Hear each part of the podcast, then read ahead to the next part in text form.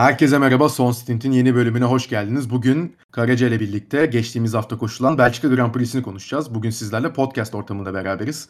Bir değişiklik olarak bu hafta maalesef video çekemiyoruz ama podcast'ta sizlere yarışı değerlendireceğiz. Abi hoş geldin. Hoş bulduk. Nasılsın? İyi valla işte tezimi yazıyorum. Artık son e, bir aya da girdim. O da bitti bitecek. O yüzden yoğun geçiyor ama işte F1 döndü o iyi oldu. Sen nasılsın? Ben de iyi. Ee, video olarak çekemememizin sebebi biraz benim. Ama önümüzdeki haftaya herhalde video olarak yine beraber olacağız. Soundward sonrası videolarla zaten muhtemelen geri döneriz. Böyle gözüküyor. Ee, abi istiyorsan yarış öncesi çok ufak bir senden e, Spa ile alakalı bir yorum da alayım. 2023 senesinde de e, Spa'da yarışılacağı açıklandı. Tam formasyon turu atılırken.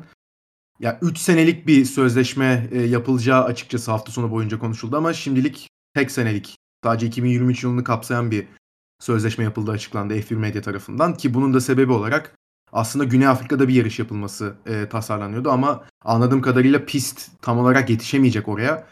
Yani bu yüzden de Spa'nın kontratı bir sene uzatılmış ama muhtemelen 2023 e, Spa'daki son sene olabilir. Ya ben çok üzülüyorum. Çok beğendiğim hatta en beğendiğim pist. E, ama en azından bir sene daha görebileceğiz. Yani Spa'yı bu da bir herhalde nasıl diyeyim teselli. yani e, ne kadar teselli bilemiyorum. E, çok hani bariz bir şekilde çıkacak gibi gözüküyor takvimden. Hem sürücülerin hem de taraftarların çok büyük çoğunluğunun top 3'ünde olan bir pist. Ve hani ortam bakımından da e, aynı şekilde. Tabii üst üste Hollanda Grand Prix'si ile iki senedir yarış yapılıyor. E, birbirlerinden seyirci çaldıkları için de sanırım Hollanda Grand Prix'si e, şu zamanlardaki popülaritesiyle ön plana çıkıyor. E, dediğin gibi Güney Afrika Grand Prix'si e, Kıyalami pistinin çok büyük renovasyondan geçmesi gerekiyor sanırım. O, o yüzden seneye için ayarlayamadılar. Benim tek umudum hani bu bir senede e, başka bir pistin çıkmasının e, daha olası hale gelmesi. Böylece Spa'nın hani gelecek sene daha uzun vadeli bir kontrat imzalayarak Formula 1'de kalması yönünde. Mesela Fransa'da konuşuluyordu e, seneye devam etmeyecek diye. Ama anlaşılıyor ki e, Belçika burada takvimden çıkacak e, yarış olacaktı. Eğer Güney Afrika Grand Prix ol, olsaydı seneye. E, umarım seneye hani Fransa daha e, olası seçenek olarak öne çıkar. Takvimden çıkacak ve yarış olarak. Yani umarım hani Fransa pisti de öyle pek tam pist de pek özellikle bir pist değil. Yani Spa gibi hani en eski pistlerden bir tanesi. Bir daha abi hakikaten çok güzel pist. Yani her şeylerin doğa içinde olması, hani o kamera açıları, genel gelen seyirci kitlesi falan yani çok gerçekten çok özel bir pist. Yani umarım e, bence de devam eder. Tabii tabii. Yani hakikaten o hani o düzlük ya yani oruç bir kere zaten bence hani en e, özel viraj olabilir. Yani daha doğrusu kısım olabilir bir pistik. Yani parabolika mı oruç mu?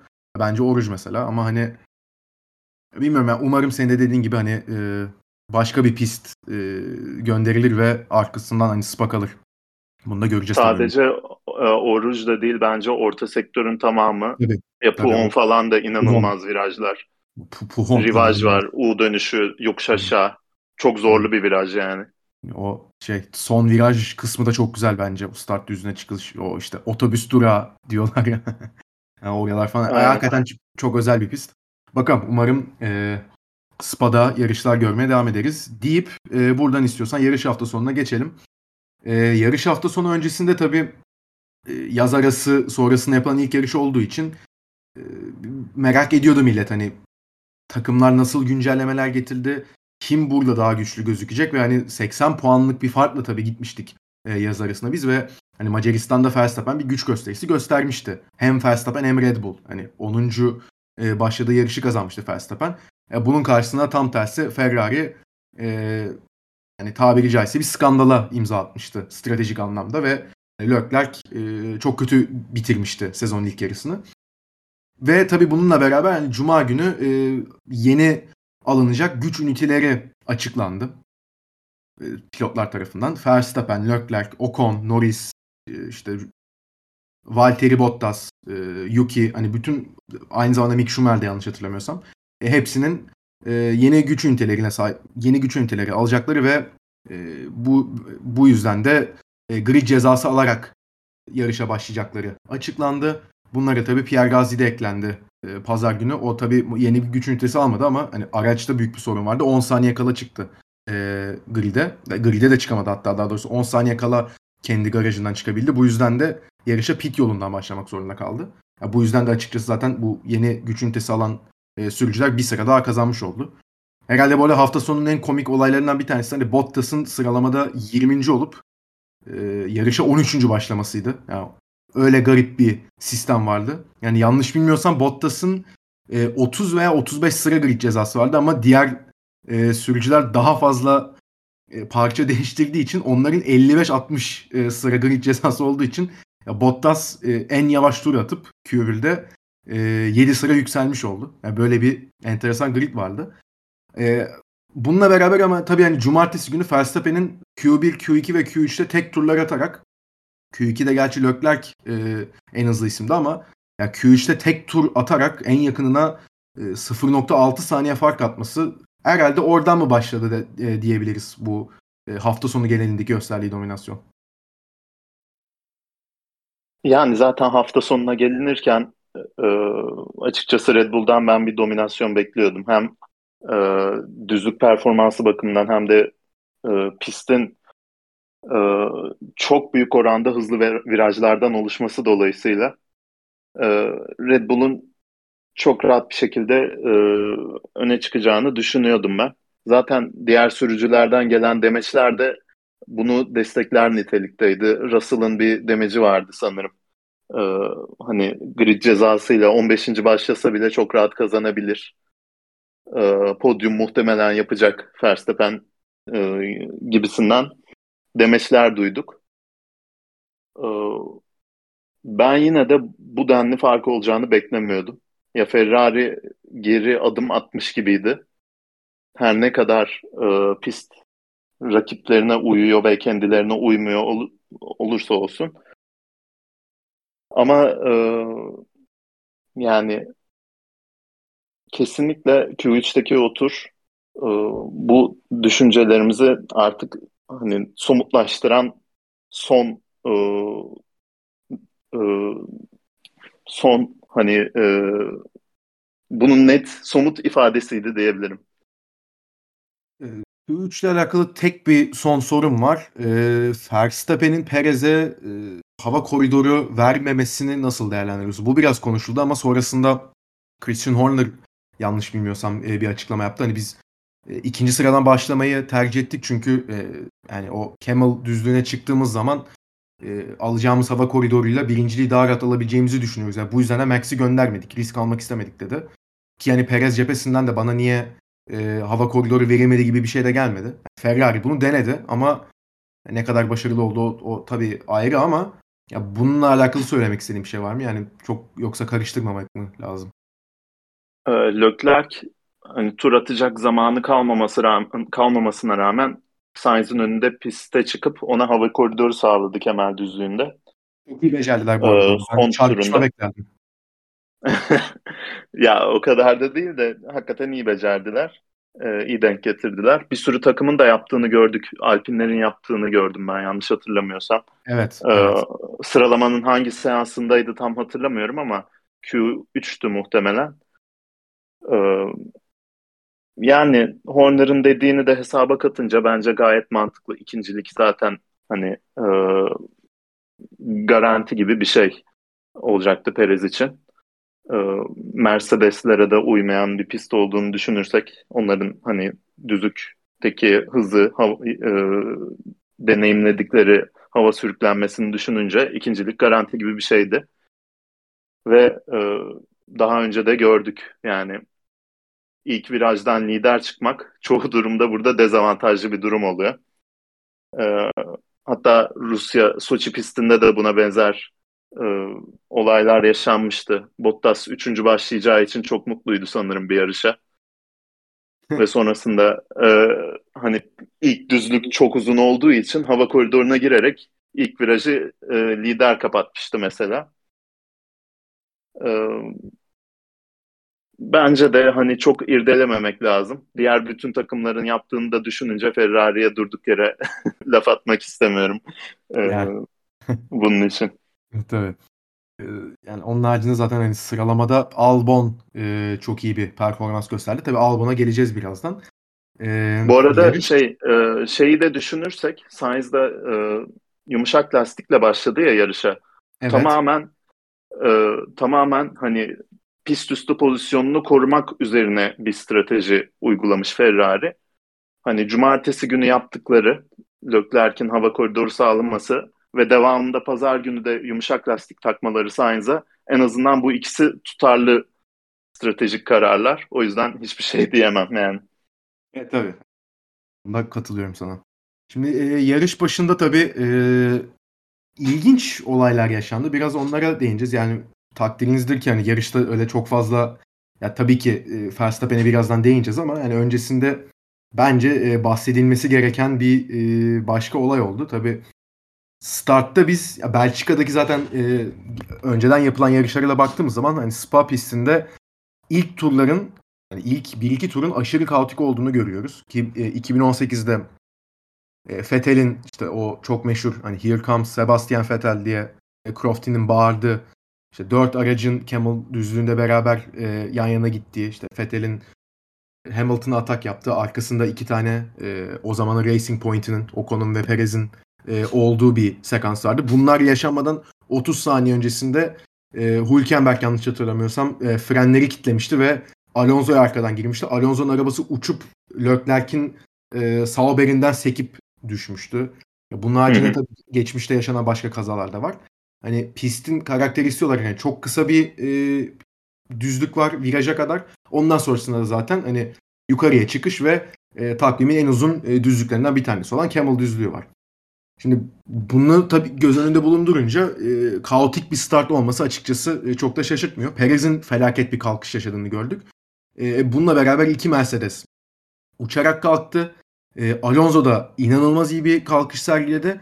Biz onlara bakarken tabii arkadan da e, hani 14-15'ten Verstappen ve Leclerc'in tırmanışını e, da biraz gördük. Yani rejide ben burada rejiye kızmıyorum. Biraz e, ilk turda onları da çekmeye çalıştı. Çünkü yani doğal olarak hani şampiyonluğun e, en büyük e, iki protagonistiydi bu sene bu ikili. Şu ana kadar en azından. E, ama hani o Camel düzlüğünün e, sonundaki virajda Alonso'nun içeriden virajı almaya çalıştığını ve ikinciliği alacağını izlerken Hamilton bir anda e, sağa doğru kapandı dışarıdan. Alonso Hamilton'a çarptı. Hamilton'ın aracı e, bayağı havalandı. Rocket League oynayanlar var mı e, dinleyenlerden bilmiyorum ama yani tam olarak e, ona benzer bir şeydi. Ve e, ondan sonrasında Alonso yani kendisi yarış sonrasında bunlar hani anın e, heyecanıyla, stresiyle o sırada işte nabız 200 doğal. Ben orada düşünmüyorum söylediklerim yayına gidiyor mu falan diyor ama e, çok uzun bir e, laf etti. Hani salak olarak adlandırdı Hamilton'ı ve üstüne e, bu adam sadece e, birinci başlarken sürmeyi ve e, devam etmeyi biliyor dedi. Ve yani bu tabii ki internette doğal olarak e, çok büyük tartışmalara yol açtı. İstiyorsan bu Alonso Hamilton olayından başlayalım. Öncelikle şimdi olayın iki kısmı var bence. E, ilk kısmından başlayalım. Şimdi kazada Hamilton ben suçluyum dedi. Ben de açıkçası katılıyorum. Ya bu, ama racing incident yani yarış olayı olarak e, bunu gördü FIA e, yarış kontrolü. Sen burada suçlu görüyor musun? Yoksa e, hani bir yarış olayı olarak ad, e, adlandırılabilir mi bu olay? Hamilton'da suçlu olduğunu kabul etti zaten ama kasti bir durum olmadığını e, kendi de ifade etti. Kör noktasında kaldığını söyledi Alonso'nun. E, bir de öyle bir geliyor ki Lecomba e, Hamilton geç fren yapıp çoktan arkasına düşmüştür Alonso diye umarak çizgiyi biraz kapatıyor. Benim yorumum bu şekildeydi izlerken. Ee, Alonso da tabii geri adım atmak istemediği için burnunu orada e, yanında tutmaya çalışıyor. Hatta burnundan ötesini ön tekeriyle Hamilton'ın arka tekeri aynı hizada o sırada.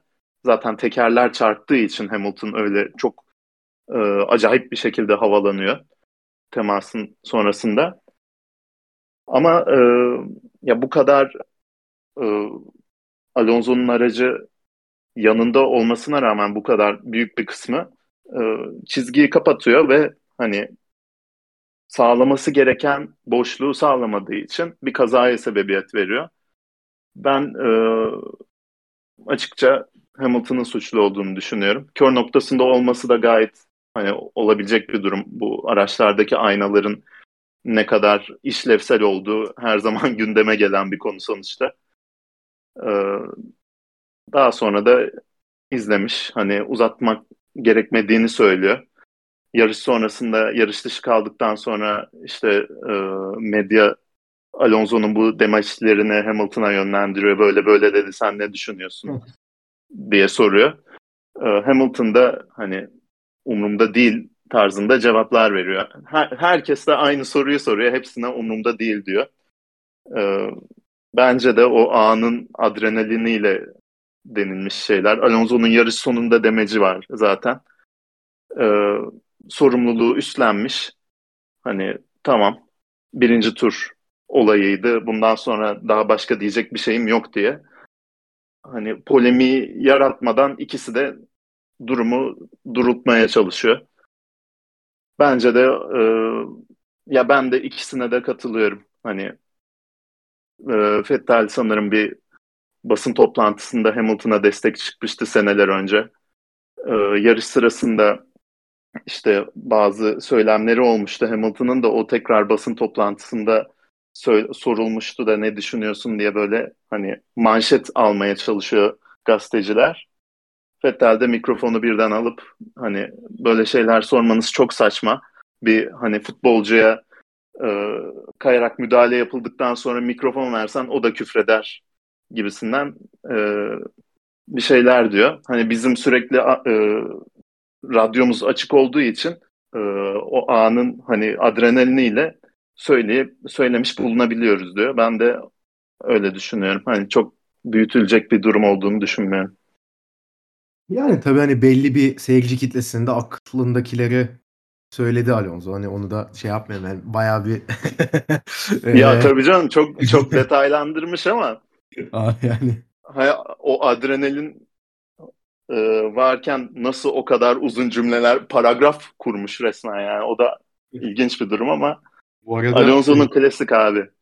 Şey de çok iyi. Hani hızını alamayıp ondan sonra düzlükte e, arabayı yana çekmiş Hamilton'ın yanından geçerken bir de parmak salladı ya Alonso. tabii tabii Or- orada bir de e, yarış mühendisi bir direktif veriyor güvenlik aracı girdiği için. Evet. Hani motorla ilgili bir ayar e, tavsiyesinde bulunuyor. O sırada o el, elini salladığı için e, bir daha söyler misin diyor. Onu gördün mü sen? Gördüm gördüm. Ya Dikka, çok... Dikkati dağılıyor çünkü. Abi gerçekten özel bir kişilik ya. Vallahi yani ne diyeyim. Yani çok özel bir kişilik. Son soracağım nokta yani sen hani tabii ki burada söyledin aslında ama ya bir ceza gelmeli miydi? Ya ben bunu tabii ki şartlar biraz daha farklıydı ama sanki Monza'da 2021'de yaşanan bu Verstappen Hamilton olayı vardı. Ya o da aslında bir yarış olayı olarak gözükmüştü. Ama yani Verstappen'e bir yarış sonrası için 3 sıra grid cezası verildiğinde bayağı millet nasıl ya falan diye şaşırmıştı. Yani bu oraya ceza çıkıp buraya ceza çıkması tabii ki yani Michael Masi vardı geçen sene. Bu sene e, başka direktörler var. Onlar zaten isimler değişti. O tabii ki ayrı da. Ya cezayı hak eden bir hareket miydi sence?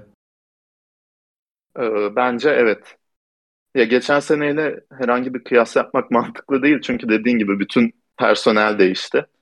Ama e, sürücü de hatasını kabullenmişken ve hani yarış dışı kalmış, yarış içinde verebileceğin herhangi bir ceza yok.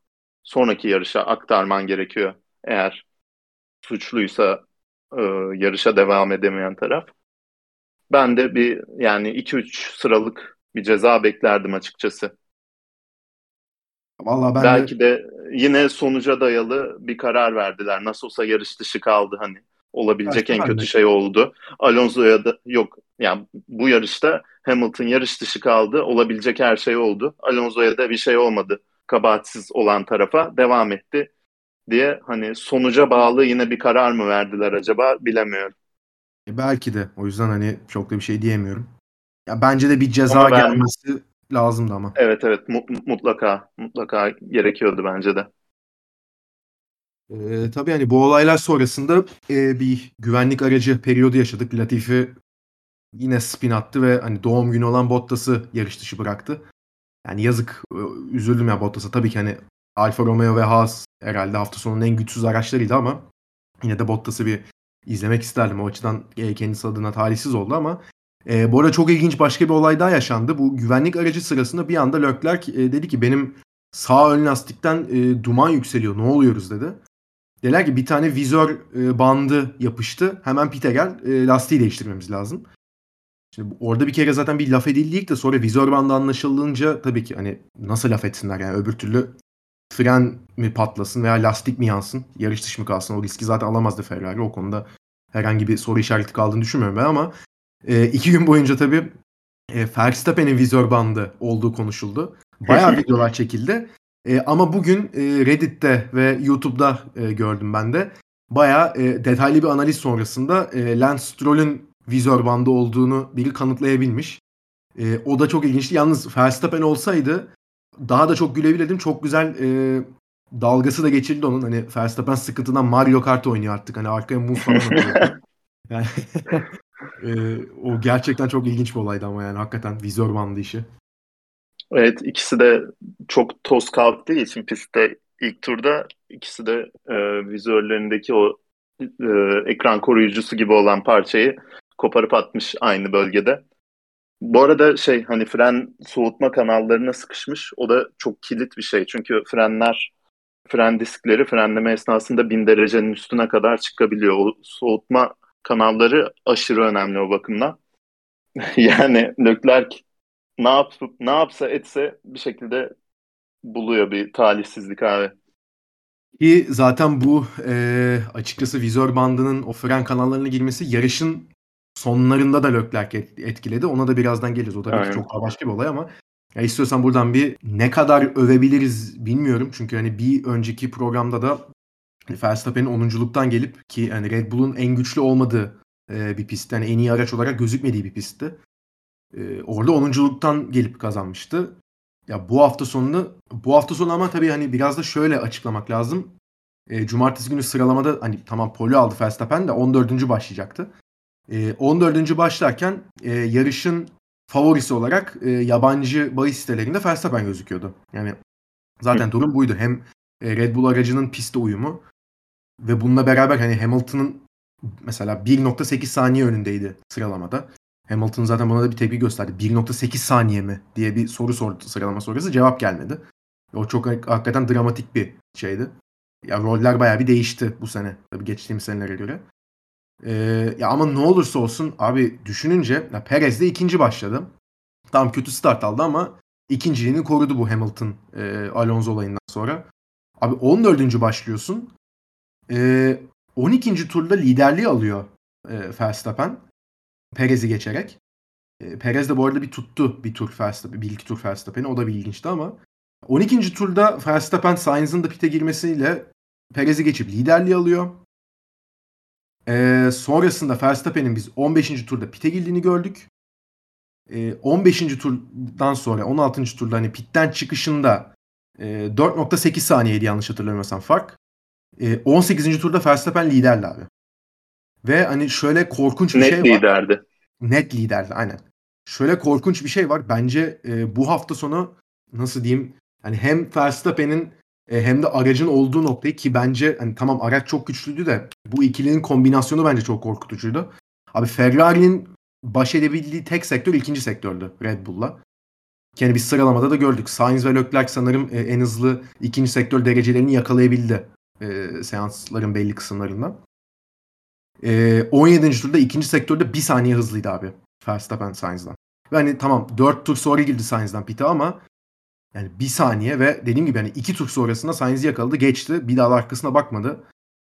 Ben e, pazar akşamı yarış sonrası Verstappen'in tüm yarış boyunca olan e, radyo iletişimini de dinledim. E, yarış mühendisi Lambiasa ile birlikte olan. Ya ona, o da diyor abi biraz yavaş yani hani biraz lastikleri koru diyor. Mesela fark o sırada 3 saniye açılmış e, 4 turda arkadaki araçla. Verstappen diyor ki ben 3 turdur zaten lastik koruyorum diyor. Ya bence gerçekten hani korkutucu bir şey gösterdi Verstappen. Hani en iyi ve hani ikinciden de farklı seviyede olan bir araçla Verstappen'in birleşimi ya bu gerçekten hani daha biz bir Verstappen dominasyonu görmedik.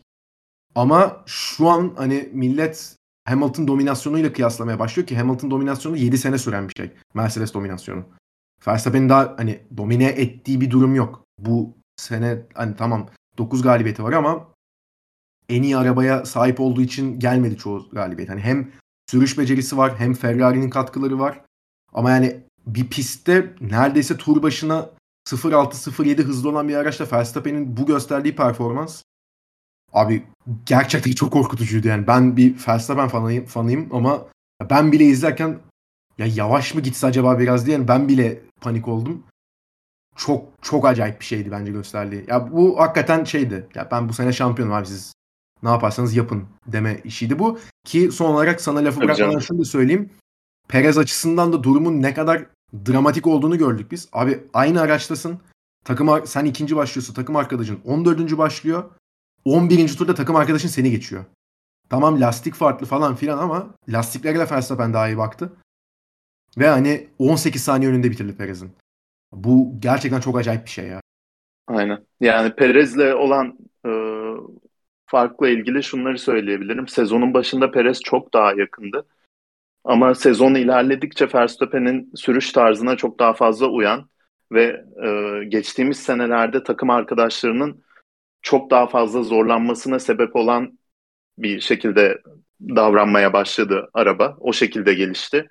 Çok daha böyle aracın ön tarafının direksiyon hamlelerine anında tepki verdiği bir araç seviyor Verstappen. Bu da tabii beraberinde aracın arkasının çok daha çok daha düşük stabiliteye e, sahip olmasına sebep oluyor. Bu da kontrol etmesi, limiti bulması çok zorlu bir e, setup haline getiriyor aracı.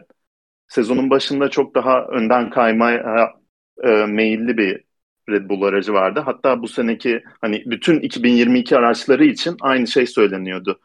Geçen sene ön kanattan çok fazla yere basma gücü e, yaratıldığı için ve bu sene yer efektleriyle o performans yaratıldığı için ön kanattan o performans elde edilemediği için ister istemez çok daha fazla önden kayma vardı araçlarda. Ama Red Bull e, önden bir şekilde e, daha fazla e, performans, daha fazla yol tutuş elde etmeye başladıkça geçen seneki, önceki senelerdeki Albon'la, Gasly'yle yaşanan farkları görmeye başladık. Verstappen trafiğin arasından sıyrılmaya çalışırken ilk stintte Perez'den tur başına yarım saniye daha hızlıydı ortalama. Evet abi. İkinci stintte yine 0.6-0.7 fark vardı. Sainz'la karşılaştırdın pitten çıktıktan sonra diye. Hemen geçti zaten sanırım Sainz'ı pit stop'undan sonra. Sainz'dan e, ikisi de ilk pit stop'tan sonra orta hamuru taktı. Ortalama bir buçuk saniye daha hızlıydı abi. İnanılmaz bir Ve şey. bu hani e, sezonun çok büyük kısmında dengeli olduğunu düşündüğümüz araçlar.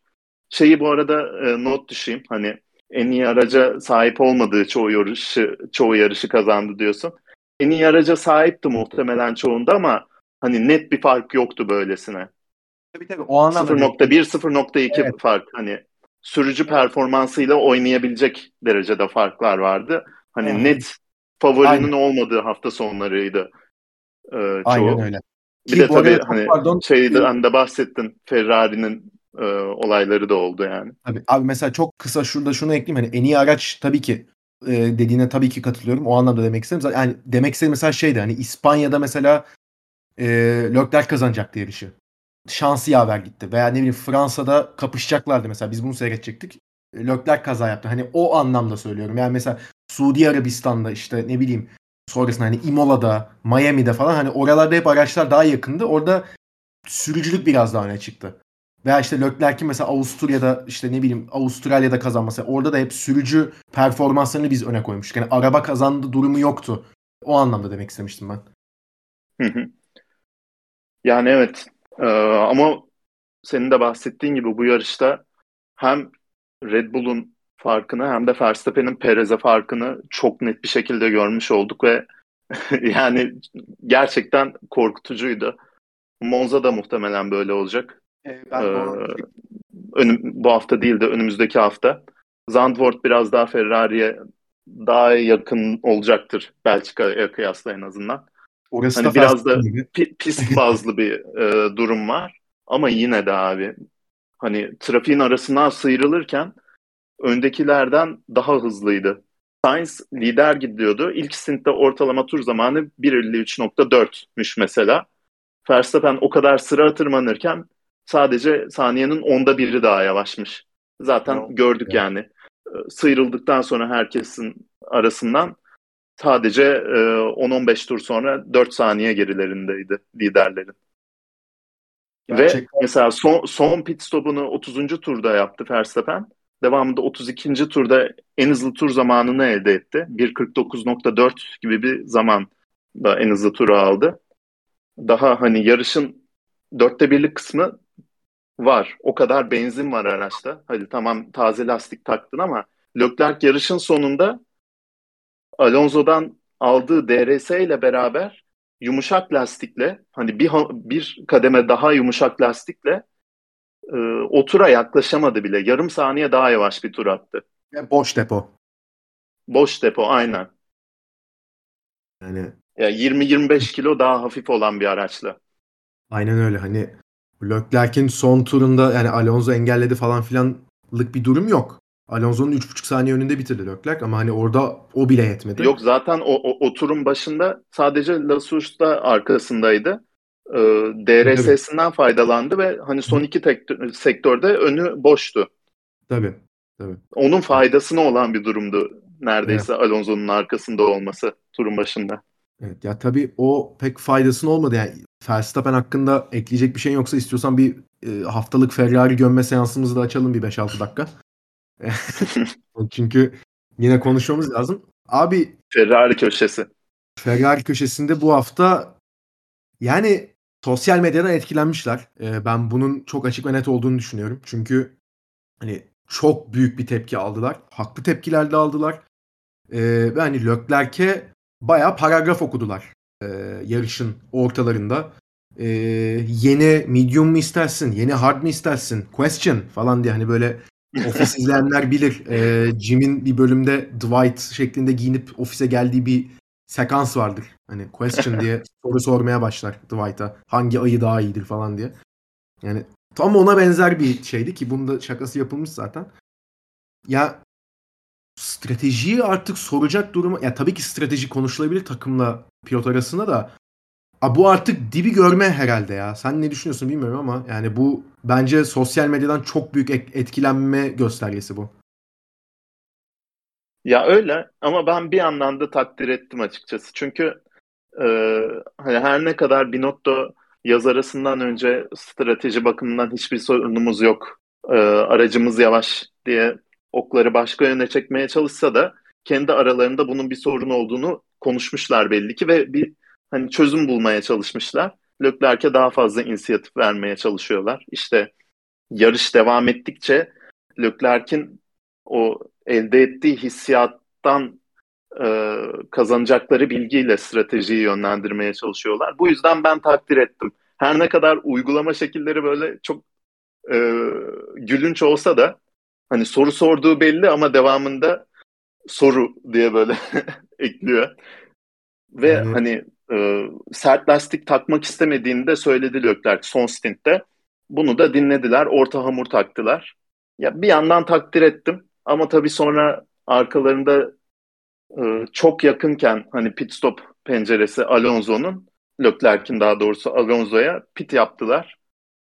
Yine de hani e, karlarına olabilirdi dediğim gibi son tura DRS ile başladı ve hani ilk sektörde normalde çıkmayacağı düzlük hızlarına çıkarak bir tur atmış ol, oldu Leclerc. Bir şekilde hani e, sıra kaybetmeden en hızlı tur atabilecek olabilirlerdi ama Verstappen'in attığı o turu da görmeleri lazımdı abi. O en hızlı turu almaları imkansızdı yani.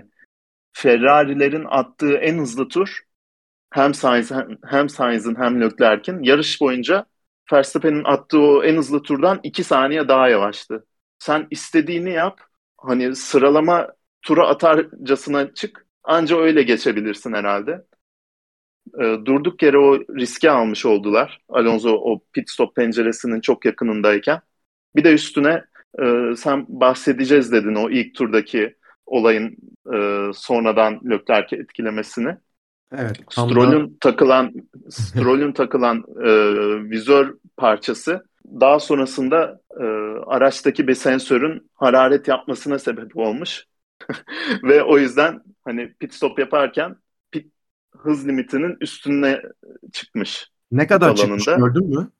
1 kilometre saat evet. diye gördüm ben.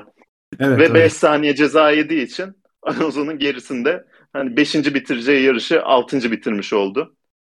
Bir puan kazanmaya oynuyorlarken 2 puan kaybettiler. Yani abi ne diyeyim ki? Yani şimdi en hızlı turu almanın amacı ne abi? Bir puan fazla almak değil mi yani sonuç olarak? Bir puan eksiltmek. Bir de Verstappen'den puan çalmak. Hadi. Yani, o da var. Puan, 2 puan 2 puan. Yani 98 değil 96 puan. Yani 90, o, o kadar da olmayacaktı gerçi de her neyse. Ama yani abi arkanda yani pit stop yaklaşık 18 saniye falan sürüyor. Yani 18.7 saniye arkanda olan biri varken yani neyine güvendin ki? Ben onu anlayamıyorum ya. Evet. Ve yani, yani her şeyin tıkırında gitmesi lazım o pit stopta önde çıkabilmen ha. için. Ha yani mesela hani pit hatası da olabilir. Pit de yavaş olabilir. Yani e bak işte sonrasında hani tam Leclerc hatası da sonuçta hani bir sensör bozulmasından bahsediyorsun sen. E bak ne oldu? Yani yerini kaybetmiş oldu. Şeyde söyle adını. Ferrari'deki en büyük sıkıntı bence Şimdi ben de tabii risk yönetimi üzerine şu an bir tez yazıyorum. Hatta geçen e, okuduğum bir bir ders kitabı gibi bir şey okuyordum da bir konuyla alakalı. Orada da mesela Ferrari örneği vardı. Zaten kahkaha attım. Yani içtiğim kahveyi püskürtüyordum. Çok ciddiyim. Şaka bile değil yani. E, ya bu tabii yeni bir şey değil. Yaklaşık 10-15 sene önce yazılmış bir kitap da. Hani Alonso üzerinden verilmişti örnek. Bir Singapur Grand Prix'sinde şurada mı pite girsin, burada mı pite girsin, lastik mi falan diye. Hani yer kaybedecek ama e, işte Fethel'i yakalayabilir falan gibi. Hani böyle bir örnek vardı kitapta. Ya Ferrari'nin risk yönetimi konusunda çok büyük şey var. Hani şeyi anlamıyorlar ben. Yani anlamıyorlar değil de e, doğru yaklaşımı gösteremiyorlar o konuda. Hani tamam biz en hızlı tur puanını alacağız. Ba- baktı 18.7 geride. Yani ucu ucuna çıkacağız. Biz çıkınca bu adamın önünde kalabilir miyiz? Bu adam Camel düzlüğünde aldığı DRS'e bizi geçebilir mi? Yoksa Leclerc orada lastiği ısıtıp yerini koruyabilir mi?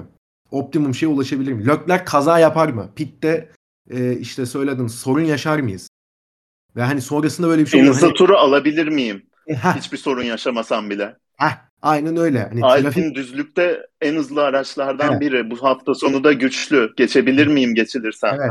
Hani ya bunların hepsi tamam orada limitli bir ya aslında limitli bir süre de yok bu arada ha. Yani bayağı çünkü Leclerc 5. takılıyordu bir 15-20 tur boyunca zaten 5. ligde takıldı ikinci pitinden sonra aslında. Ya bunları düşünebilirdin. Hani 40. şey pardon 42. turun sonunda almazdın da belki hoş 39'da alsan bu sefer Red Bull direkt yani verir miydi tepki bilmiyorum. Ki bu arada tepki vermesine gerek olur muydu onu da bilmiyoruz. Zaten Leclerc atamadı en hızlı turu. Ya o risk yönetimi konusunda bence çok büyük eksiklikleri var ve hani bu e, Malisel Işık'la Barkın Kızıl'ın son programını da dinledim. Yani orada da e, bundan bahsetmişler biraz. Hani farklı bir yapı bence olması gerekiyor artık Ferrari'de. Hani her şeyle bir notta tamam hani tabii ki stratejiyle bir notta ilgilenmiyor ama sonuçta ondan mesul olan kişi de o. Hani daha ya o işin ehli insanların herhalde gelmesi gerekiyor. Bilmiyorum. Çünkü bu her yarış ya 5. bomboş 5. gidiyorsun. Arkan 18 saniye. Önün 15 saniye açık. Ya buradan yer kaybedebiliyorsun ya. Bu bu çok enteresan bir şey.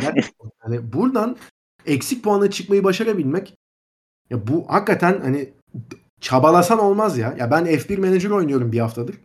Ya ben de tamam hata yaptım. Tabii ki de ben bir F1 şeyi değilim.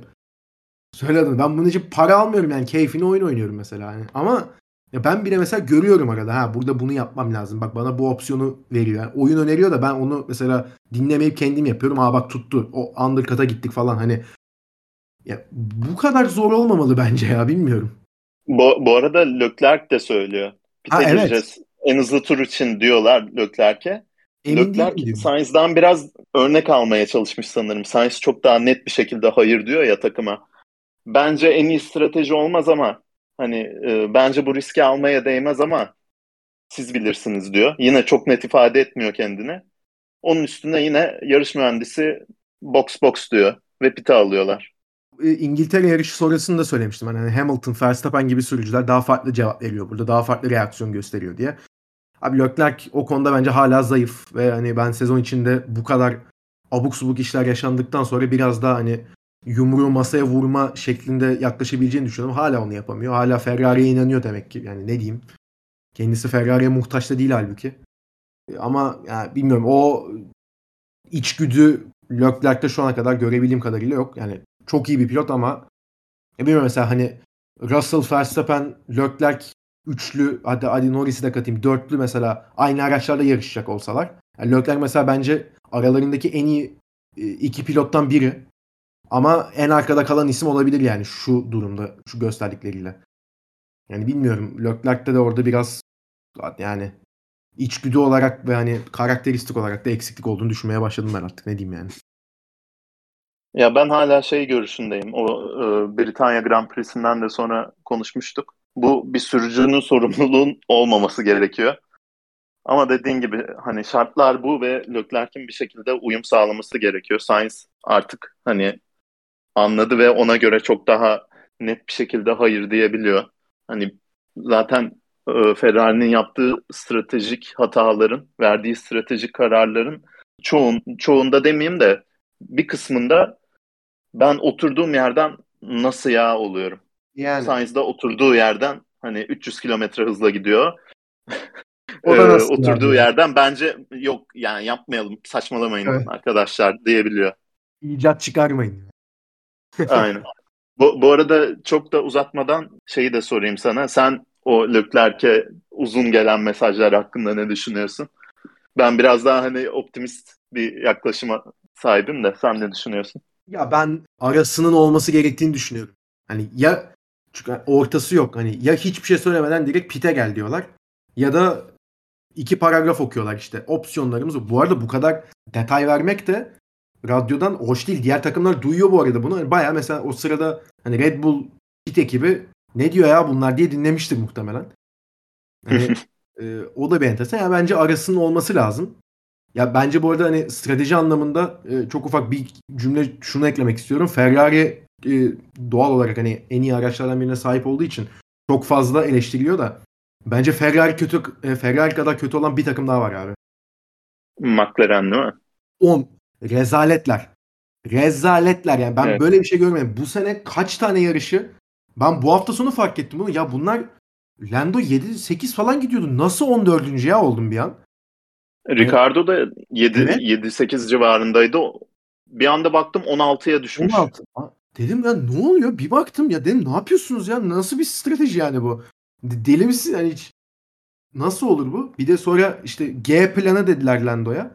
Croft ile evet, dalga evet. zaten. Hani İngiliz alfabesinde 26 harf var ama herhalde McLaren yeni harf bulacak falan diye.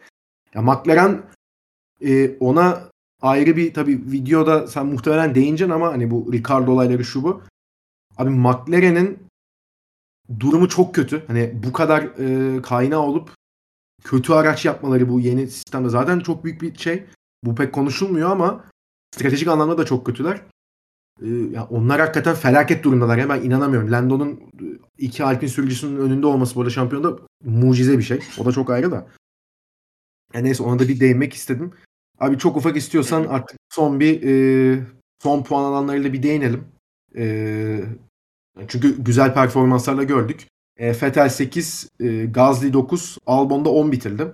Ocon'da 7 bitirdi bu arada. Yani Alonso 5 olmuşken Alpin e, çok değerli puanlar kazandı. Ocon'da e, iki tane e, double overtake gösterdi bize. Bence çok güzeldi ikisi de. E, Fırsatçı. E, çok güzel hamleler yaptı. Ocon fena bir sürücü değil. Ya ben hep bunu şey yapıyorum antipatik biri ama fena bir sürücü değil. E, Fettel'in e, bu saçma sapan Aston Martin ile 8 olması, Gasly'nin e, pit yolundan başlayıp 9. bitirmesi, Albon'un da her ne kadar Williams düzlükte e, bayağı hızlı gözükse de pistin geri kalan noktalarında aşırı kayan bir araca sahipti Albon. Buna rağmen çok iyi tuttu yerini ve 10. oldu. Ya bu 3 pilot da bence e, büyük bir takdir hak ediyor. Hatta 4 diyeyim Akon'da katarak. Evet Albon önde başlama ya 6. sırada başladı. Onu sonuna kadar kullandı ve hani hız, pistin hızlı olması gerektiği kısımlarında hızlı oldu ve yerini çok güzel savundu. Albon treni vardı tüm yarış boyunca neredeyse. Vettel zaten e, yarışın bazı kısımlarında 5-6. gidiyordu. 8. bitirdi. E, Gazli Alfa Tauri ile ki artık Alfa Tauri bence Aston Martin'in bu getirdiği güncellemelerin performans yansımasını çok fazla göremedik yaşadıkları saçma sapan olaylardan ama ben Alfa Tauri'nin şu an Williams'dan sonra en yavaş araç olduğunu düşünüyorum. Ee, bu de. yarışta e, 9. bitirmesi e, büyük bir başarı. Zaten 4 yarıştır mı ne puan alamıyordu. Hem Sunoda hem Gazli. E, büyük bir başarı. İkisi yani bunları düşününce. Kesinlikle. Kesinlikle. Yani çok e, özel bir performans gösterdi Gazi'de. Onun açısından da iyi oldu. Gazi'nin de e, Alpin dedikoduları yine bir ortaya çıktı. Yani o konuda birbirlerinden bayağı nefret etme noktalarındalar şu an ama ya bakalım belli olmaz. Formula 1 burası. Hani Senna ile Prost'u izlemişiz. Aynı, yani tabii ki biz seyretmedik de. Senna ile Prost yarışmış kaç sene yani. yani Gazi ile Ocon mu yarışamayacak? O yüzden çok da büyük bir sorun olacağını düşünmüyorum o konuda. Ee, yarış hakkında eklemek istediğim bir şey yoksa artık istiyorsan yavaştan kapatabiliriz. Son bir sürücüler ve e, takımlar şampiyonasındaki durumu da söyleyeyim. Verstappen yine puan farkını arttırdı. Yani 284 puanda Verstappen. Sergio Perez ikinciliğe çıktı. 191 puanla. Yani 93 puanlık bir fark var şu an. Absürt bir fark ki aynı takımdalar. Hani yani Perez yetişir mi Verstappen'e pek zannetmiyorum ama yani Leclerc de 186 puanda kalmış oldu. 98 puanlık bir fark. Yani artık herhalde bu e, şey tabiri vardır ya hani tabuta çakılan son çivi. O herhalde Monza olacak gibi geliyor ya. Bence çoktan çakıldı ya.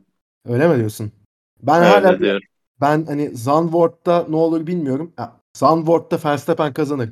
Üstüne Monza'ya gider. Monza'da da kazanıp şovunu yaparsa tamam abi artık hani ya öldü vurmayın artık. Hani o duruma Zaten onlar olursa matematiksel olarak almış olacak neredeyse. E zaten yaklaşık öyle bir şey olacak. Sen de doğru diyorsun. Takımlar şampiyonasında Red Bull 475 puana çıktı. E, Ferrari 357'de. Yani puan farkı artmaya devam ediyor. Mercedes tabii 316'da kaldı Hamilton'ın e, yarış dışı kalması sebebiyle ama yani biz bu saatten sonra herhalde ya Alpine 115'e 4, McLaren de 95 ile 5. sırada. Yani muhtemelen bir Alpine McLaren dördüncülük savaşı ne kadar izleriz bilmiyorum. Alpine bence çok daha hızlı. Ya bir de hani Mercedes Ferrari ikincilik için kapışır diye düşünüyorum. Yani Mercedes her gün ağlamaya devam ediyor. Çok kötü araba, işte traktör falan hiç alakası bile yok yani. Hani yarış temposunda Ferrari kadar hızlılar şu an. Yani o, yani o onlar haricinde ben iki şampiyonun da artık ya ben Belçika'da bir Ferrari bir ikisi gelse bir dur bakalım de, diyebilirdim ama galiba bitti artık. Yok. Burada bitti benim gözümde. Artık arkalara bakacağım şampiyona çekişmeleri için ben. Öyle geliyor. Abi o zaman istiyorsan bölümü noktalayalım burada. Tamamdır. Süper. Noktalayalım. Ağzına sağlık o zaman. Çok teşekkür ediyorum. Ee, senin de ağzına sağlık. Ben teşekkür ederim. Teşekkürler. Bir hafta sonra da zaten e, Zandvoort'ta bir yarış yapılacak. Hemen akabinde tekrar bir hafta sonrasında zaten Monza'da e, yarış yapılacak. Bu yarışlar sonrasında değerlendirmelerimizle sizle olmaya devam edeceğiz. Bizi izlemeye ve dinlemeye devam edin efendim. Hoşçakalın. Hoşçakalın.